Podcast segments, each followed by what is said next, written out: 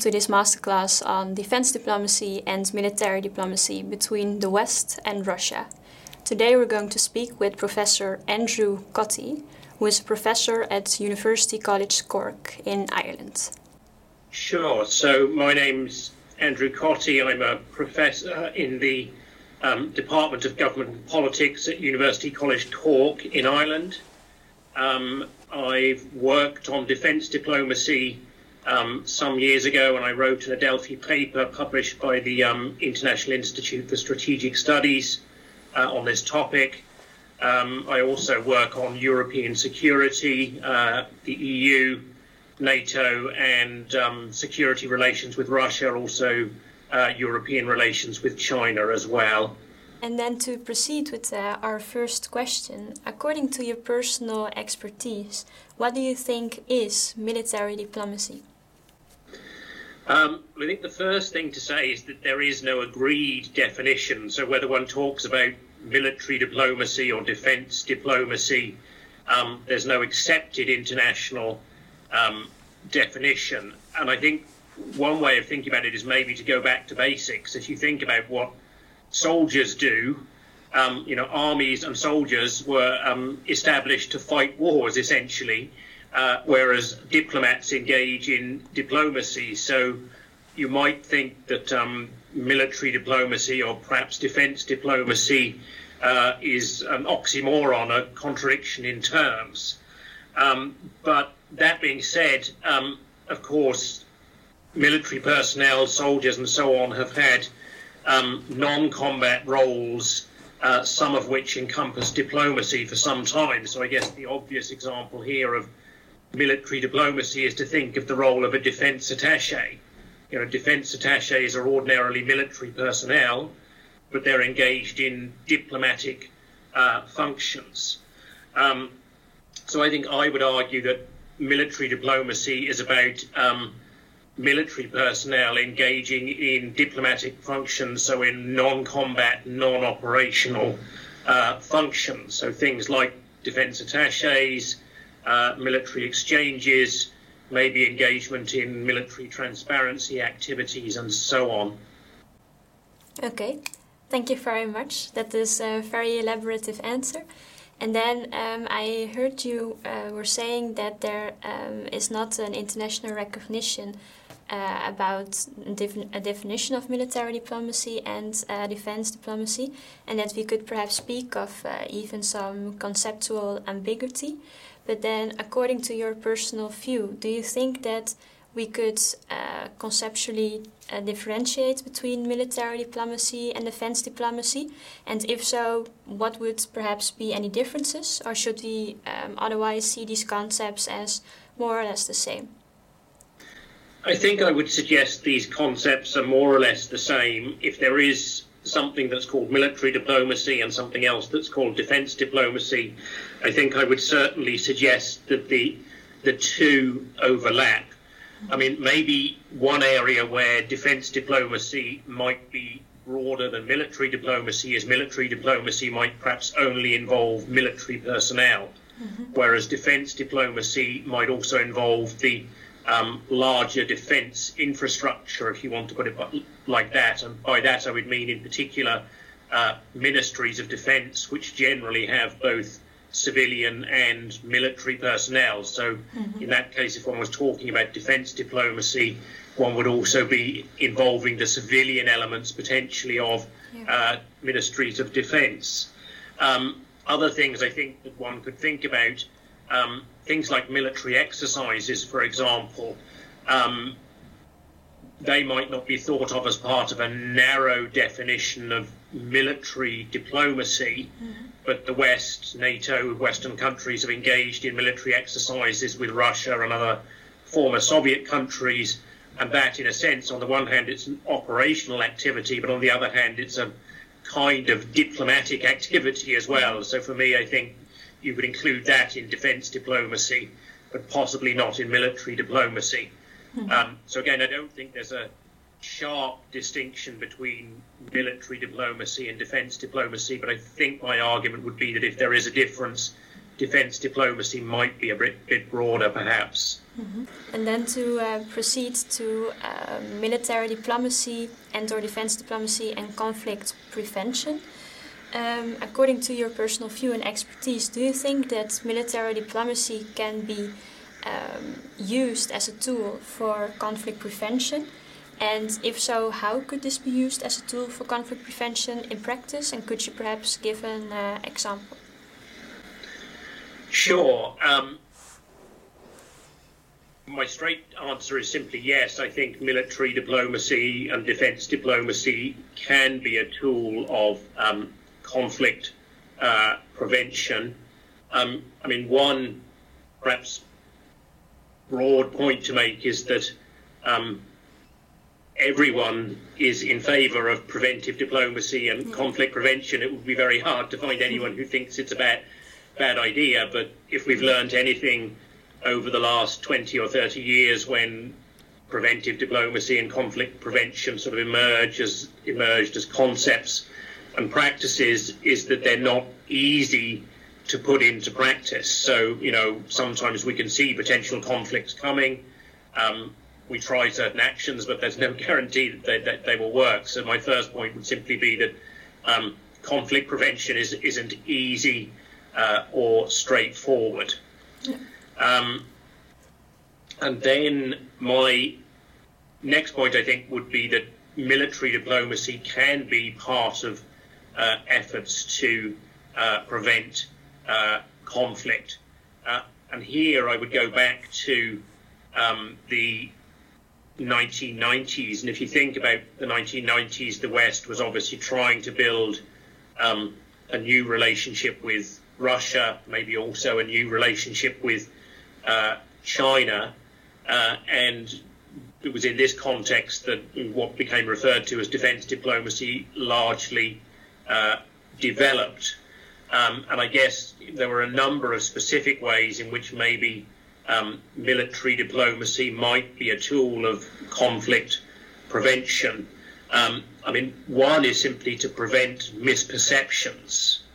Um, so, um, for example, if uh, a country with which one has a problematic relationship, let's say Russia in the case of NATO, uh, fears that you know NATO might launch an attack against Russia or that NATO has um, certain aggressive plans or certain military intentions, then to some extent, if through military diplomacy you can help to clarify and provide transparency about the military plans, military deployments, military activities of um, NATO and its member states, mm-hmm. then that might help Russia to or try to avoid misperceptions and misunderstandings about about those. Um, maybe just to take one example to um, illustrate this, which has been in the news uh, very recently, um, which is the uh, reports that at the um, point earlier this year when we had the transition from the Trump administration to the Biden administration, uh, that General uh, Milley, the uh, chair of the US Joint Chiefs of Staff, uh, apparently picked up the telephone uh, to his Chinese counterpart uh, and reassured him that the US did not, under any circumstances, intend to launch an attack or military action against China. So if you think about that, that you know that that's one very senior general picking up the phone to another very senior general and trying to reassure them about their, their country's intentions in order that there isn't any uh, misperception. So, certainly, I think military diplomacy can be a tool for preventing um, misperceptions, especially in particular um, contexts.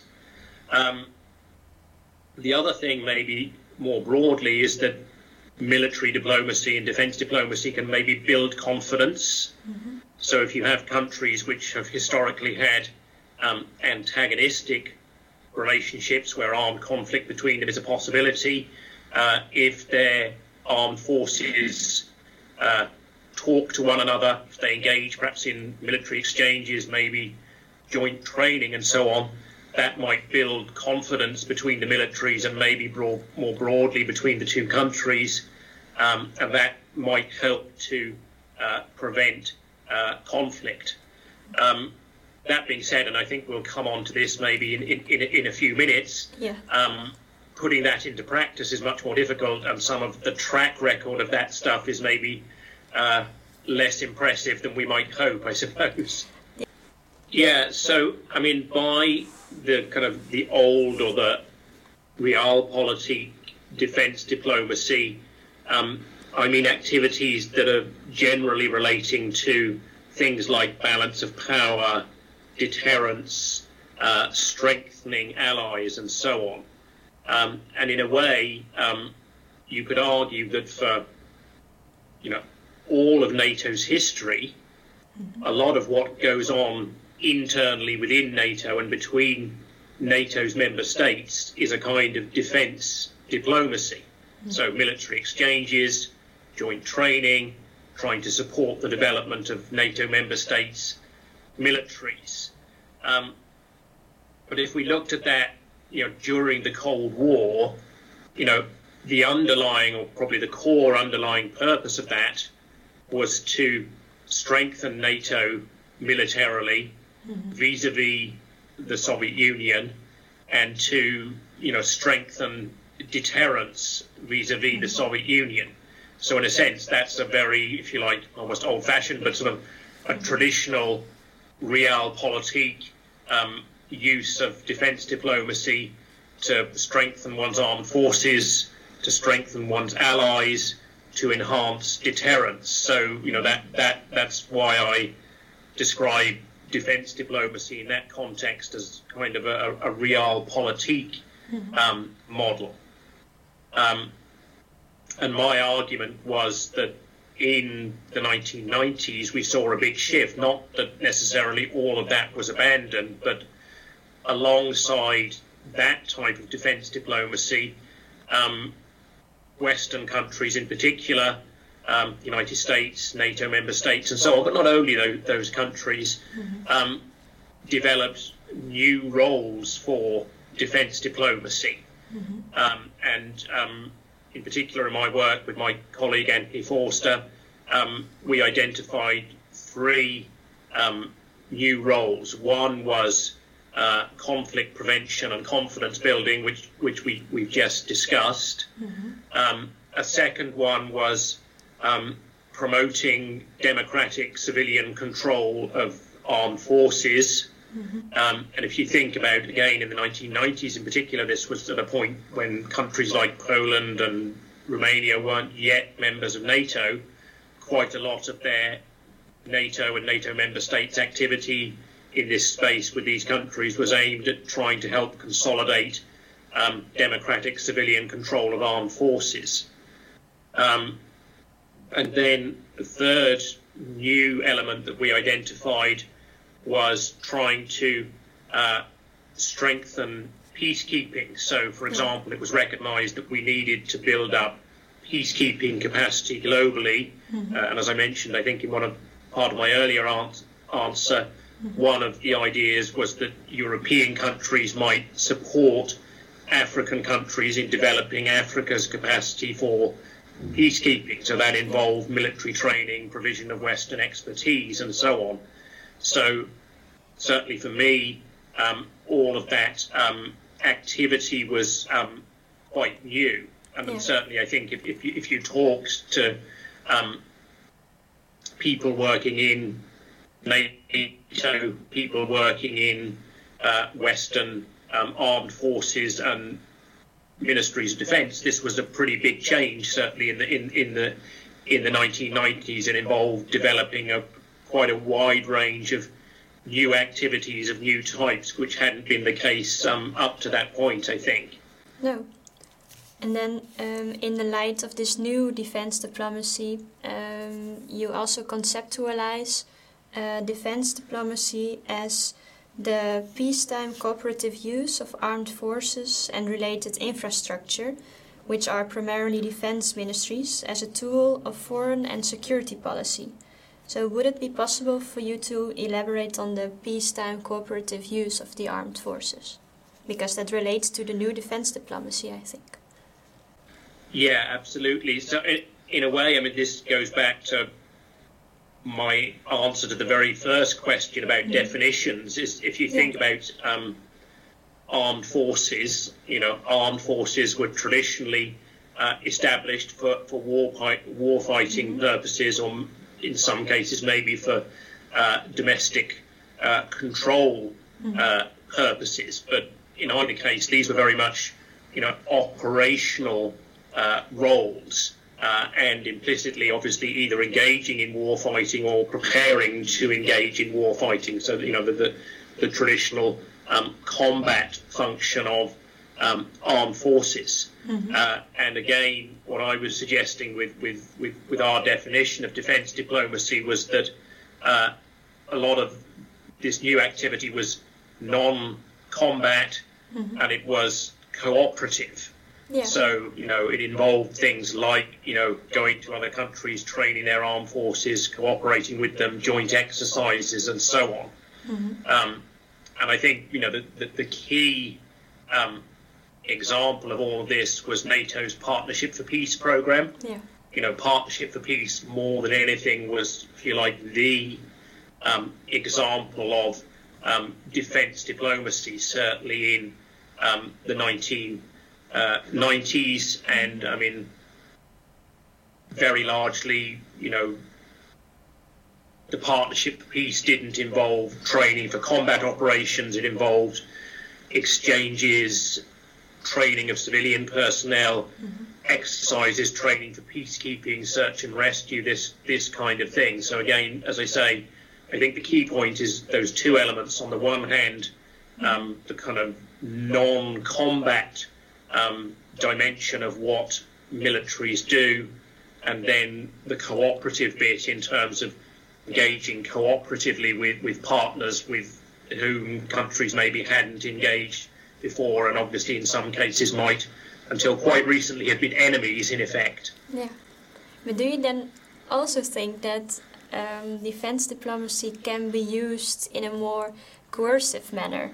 Or do you think that it would solely involve always promoting more or less very peaceful um, cooperative uh, activities? Um, I, I, would argue that really it's it, it's it's not coercive and it's not a coercive uh, tool. So I mean, in thinking about this question, I was trying to think of could I think of examples of the um, coercive use of something that might be called um, defense mm-hmm. uh, diplomacy. Uh, and uh, largely, I would say not. Mm-hmm. Although, again, to go back to um, maybe the distinction between the new and the old mm-hmm. defense diplomacy, if you look at the old defense diplomacy, um, the activities might not have been coercive, but sometimes perhaps the objectives might be coercive, if, if, yeah. if that makes sense. Okay. Um, but but but um, my my broad answer, I think, would be that defence diplomacy isn't a coercive tool and isn't suited to coercive purposes. I think. In your work, you also question how far defence diplomacy cooperation should be linked to partner states' behavior on wider issues. So, for instance, should military cooperation activities still be pursued when the partner state engages in regional offense strategies towards other states? Because you also mentioned that this is always a conditionality dilemma that involves balancing competing interests, which have to be deba- debated with regard to the local context. And then, um, yeah, Regarding the relations between the West and Russia, you observe that the defense diplomacy activities have evolved since the 1990s, and the aim is to help prevent conflict with Russia and make the country a long term partner of the West. So, could you perhaps explain how the defense diplomacy cooperation between uh, the West and Russia has evolved since the 1990s, and what uh, conclusions we could perhaps draw from this? Sure. I mean, maybe to begin with your conditionality point, mm-hmm. I mean, I think we can choose an example, which is an obvious one, but I think a good one, which is the Ukraine conflict. Yes. And Russia's intervention in Ukraine uh, since 2014 and its annexation of um, Crimea. Um, you know, that obviously begged the question of whether and how far the West could and should maintain um, existing relations with Russia in light of Russia's actions in Ukraine. And I mean, if you look at what happened, uh, NATO uh, suspended um, much of its existing military cooperation and institutional infrastructure with Russia in the wake of Russia's intervention in Ukraine and annexation of uh, Crimea. Um, and you know, for me, that that that was a reasonable and ba- balanced response. The West needed to find some response to signal that that, that, that Russia's behaviour was was was problematic. Mm-hmm. Um, but at the same time, obviously, um, and although starting before 2014 but accelerating since 2014, um, Russia's relations with NATO have become much more problematic, and there's been increased concern about the risk even of war between Russia and NATO. Mm-hmm. Uh, and in that context, you might actually argue that maybe we need more defence diplomacy uh, to try and help to avoid um, conflict with uh, Russia. Mm-hmm. Um, and it was quite interesting a couple of years ago, um, Jens Stoltenberg uh, summed up what he viewed as NATO's position as more defence, more dialog mm-hmm. And so his point was that NATO needed to do more on defence and deterrence versus vis a vis Russia. Mm-hmm. But at the same time, uh, it also uh, needed to continue to engage and maybe even to do more to engage with Russia at the same time to prevent uh, potential uh, conflict. So if you think about all of that that story about the Ukraine conflict and yeah. and NATO's response and so on, you see very clearly that that, that it's it, it's it's a balancing act. Mm-hmm. Um, the other um, point that one can note about all of that story is that um, since 2014, or since you know a bit later than 2014, NATO has reinstituted some of its military dialogue hmm. uh, with uh, Russia. But if you you know read what's publicly available in terms of reports on, on that military dialogue with Russia, that military dialogue has not been going very well. It, you know, it, it would seem to be something of a, of a dialogue of the deaf, I think. Mm-hmm. um, so I mean, that that shows that how difficult, you know, defence diplomacy or military diplomacy can be yeah. um, with with a country with which one is in an antagonistic um, relationship. Mm-hmm. Um, and maybe then to just address, you know, the, the broader dynamic between the West and Russia in terms of military or defence diplomacy since the 1990s. Mm-hmm. Um, if you looked at the 1990s and maybe into the 2000s, there were quite substantial efforts on both sides, both mm-hmm. NATO's side and Russia's side, to engage with one another, various exchanges, dialogues, training, training, um, joint exercises, uh, and uh, so on.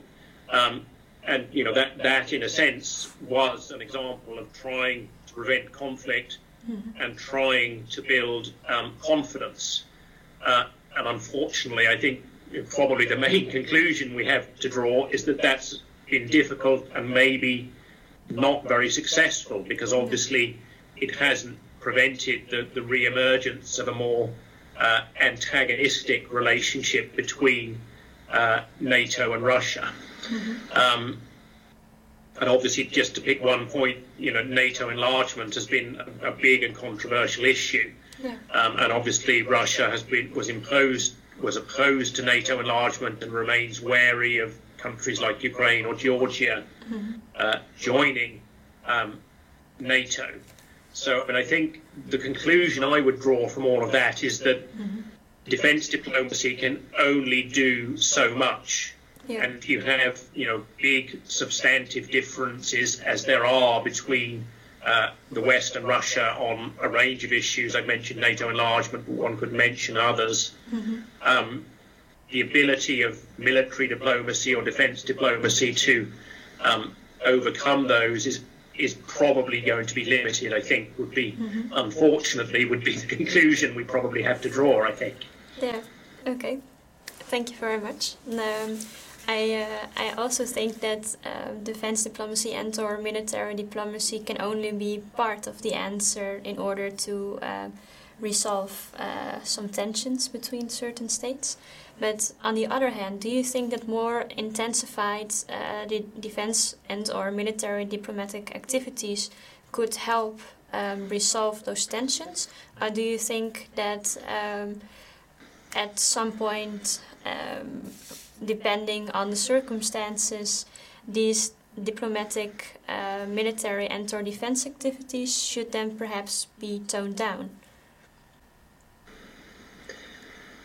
Um,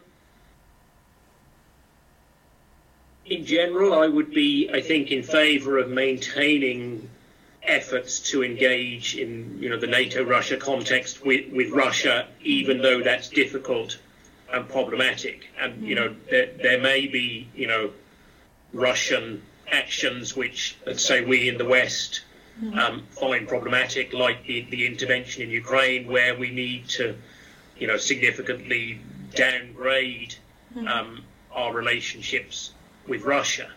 Um, but I think a worst case scenario would be, you know, a kind of complete suspension of ties.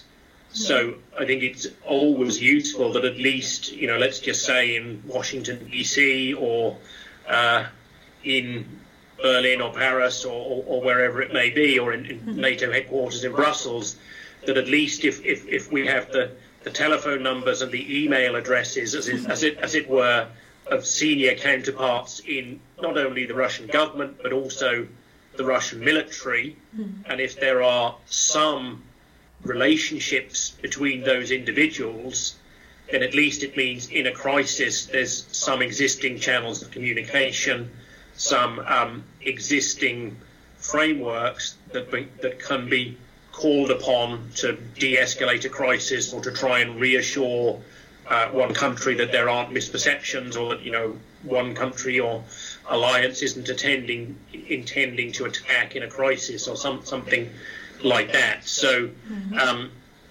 I mean, it's clear that the, the, the kind of scale and nature of military or defense diplomacy between Russia and the West today is much less and much broad and much less broad ranging than it was in the 1990s or 2000s.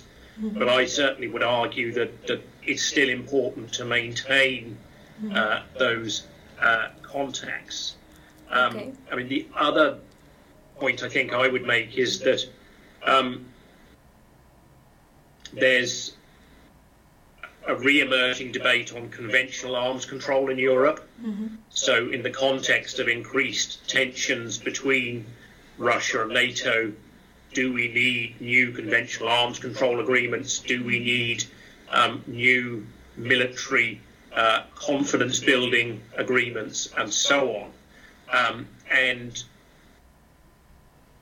while arms control and defence diplomacy might perhaps be separate things, I think there's a kind of grey area in the middle where arms control and defence diplomacy overlap, and you know that area, you know, sometimes is referred to as confidence building. Mm-hmm. And I think you know that there, there, there's work to be done between NATO and Russia, between Western uh, ministries of defence and militaries in Russia, in that confidence building space. Um, and again, if, if, you, if you talk to people in NATO who are engaged in that, they'll tell you how difficult it is. So it's, it's not it's not it's not easy and it's not a, a simple answer. But but I, I, my view would be it's nonetheless you know valuable work that needs to be continued. Mm-hmm. Um, so I suppose in simple terms, my, my, my, my answer might be that defence diplomacy isn't dead, if we put it like that. well, that is not. Uh, it's not always that uh, reassuring. but um, uh, how would you then uh, think that these um, defense diplomacy activities and or military diplomacy activities between uh, the West, NATO, and uh, Russia will develop in the future? Um, if you could I make some predictions. The most likely scenario is that they will continue in a kind of on-off pattern, um, mm-hmm. and that they will remain challenging. Mm-hmm. Um, but I think certainly that you know my reading of the kind of messages you see from NATO headquarters and from Western governments is that the West recognise recognises the need to engage in these types of uh, activities. Um, so I wouldn't expect any dramatic breakthrough. Mm-hmm. Um, and I think, you know, we're going to have just to continue with these activities in um, in difficult circumstances. Um, from a long-term perspective, um, we might ponder a situation in perhaps in which there is different leadership in Moscow, mm-hmm. and you know then in that kind of scenario, perhaps uh, there might be a wider improvement in uh, Russian Western relations, and as part of that, one could see, you know, perhaps a return to some of the kind of defence diplomacy activities that we saw in the 1990s and uh, 2000s. But but, mm-hmm. but in, in the in the short to medium term, uh, I think that's that's fa- that's fairly unlikely. Thank you very much for watching this masterclass. We hope that this uh, has shed some light on defense diplomacy and military diplomacy between the West and Russia.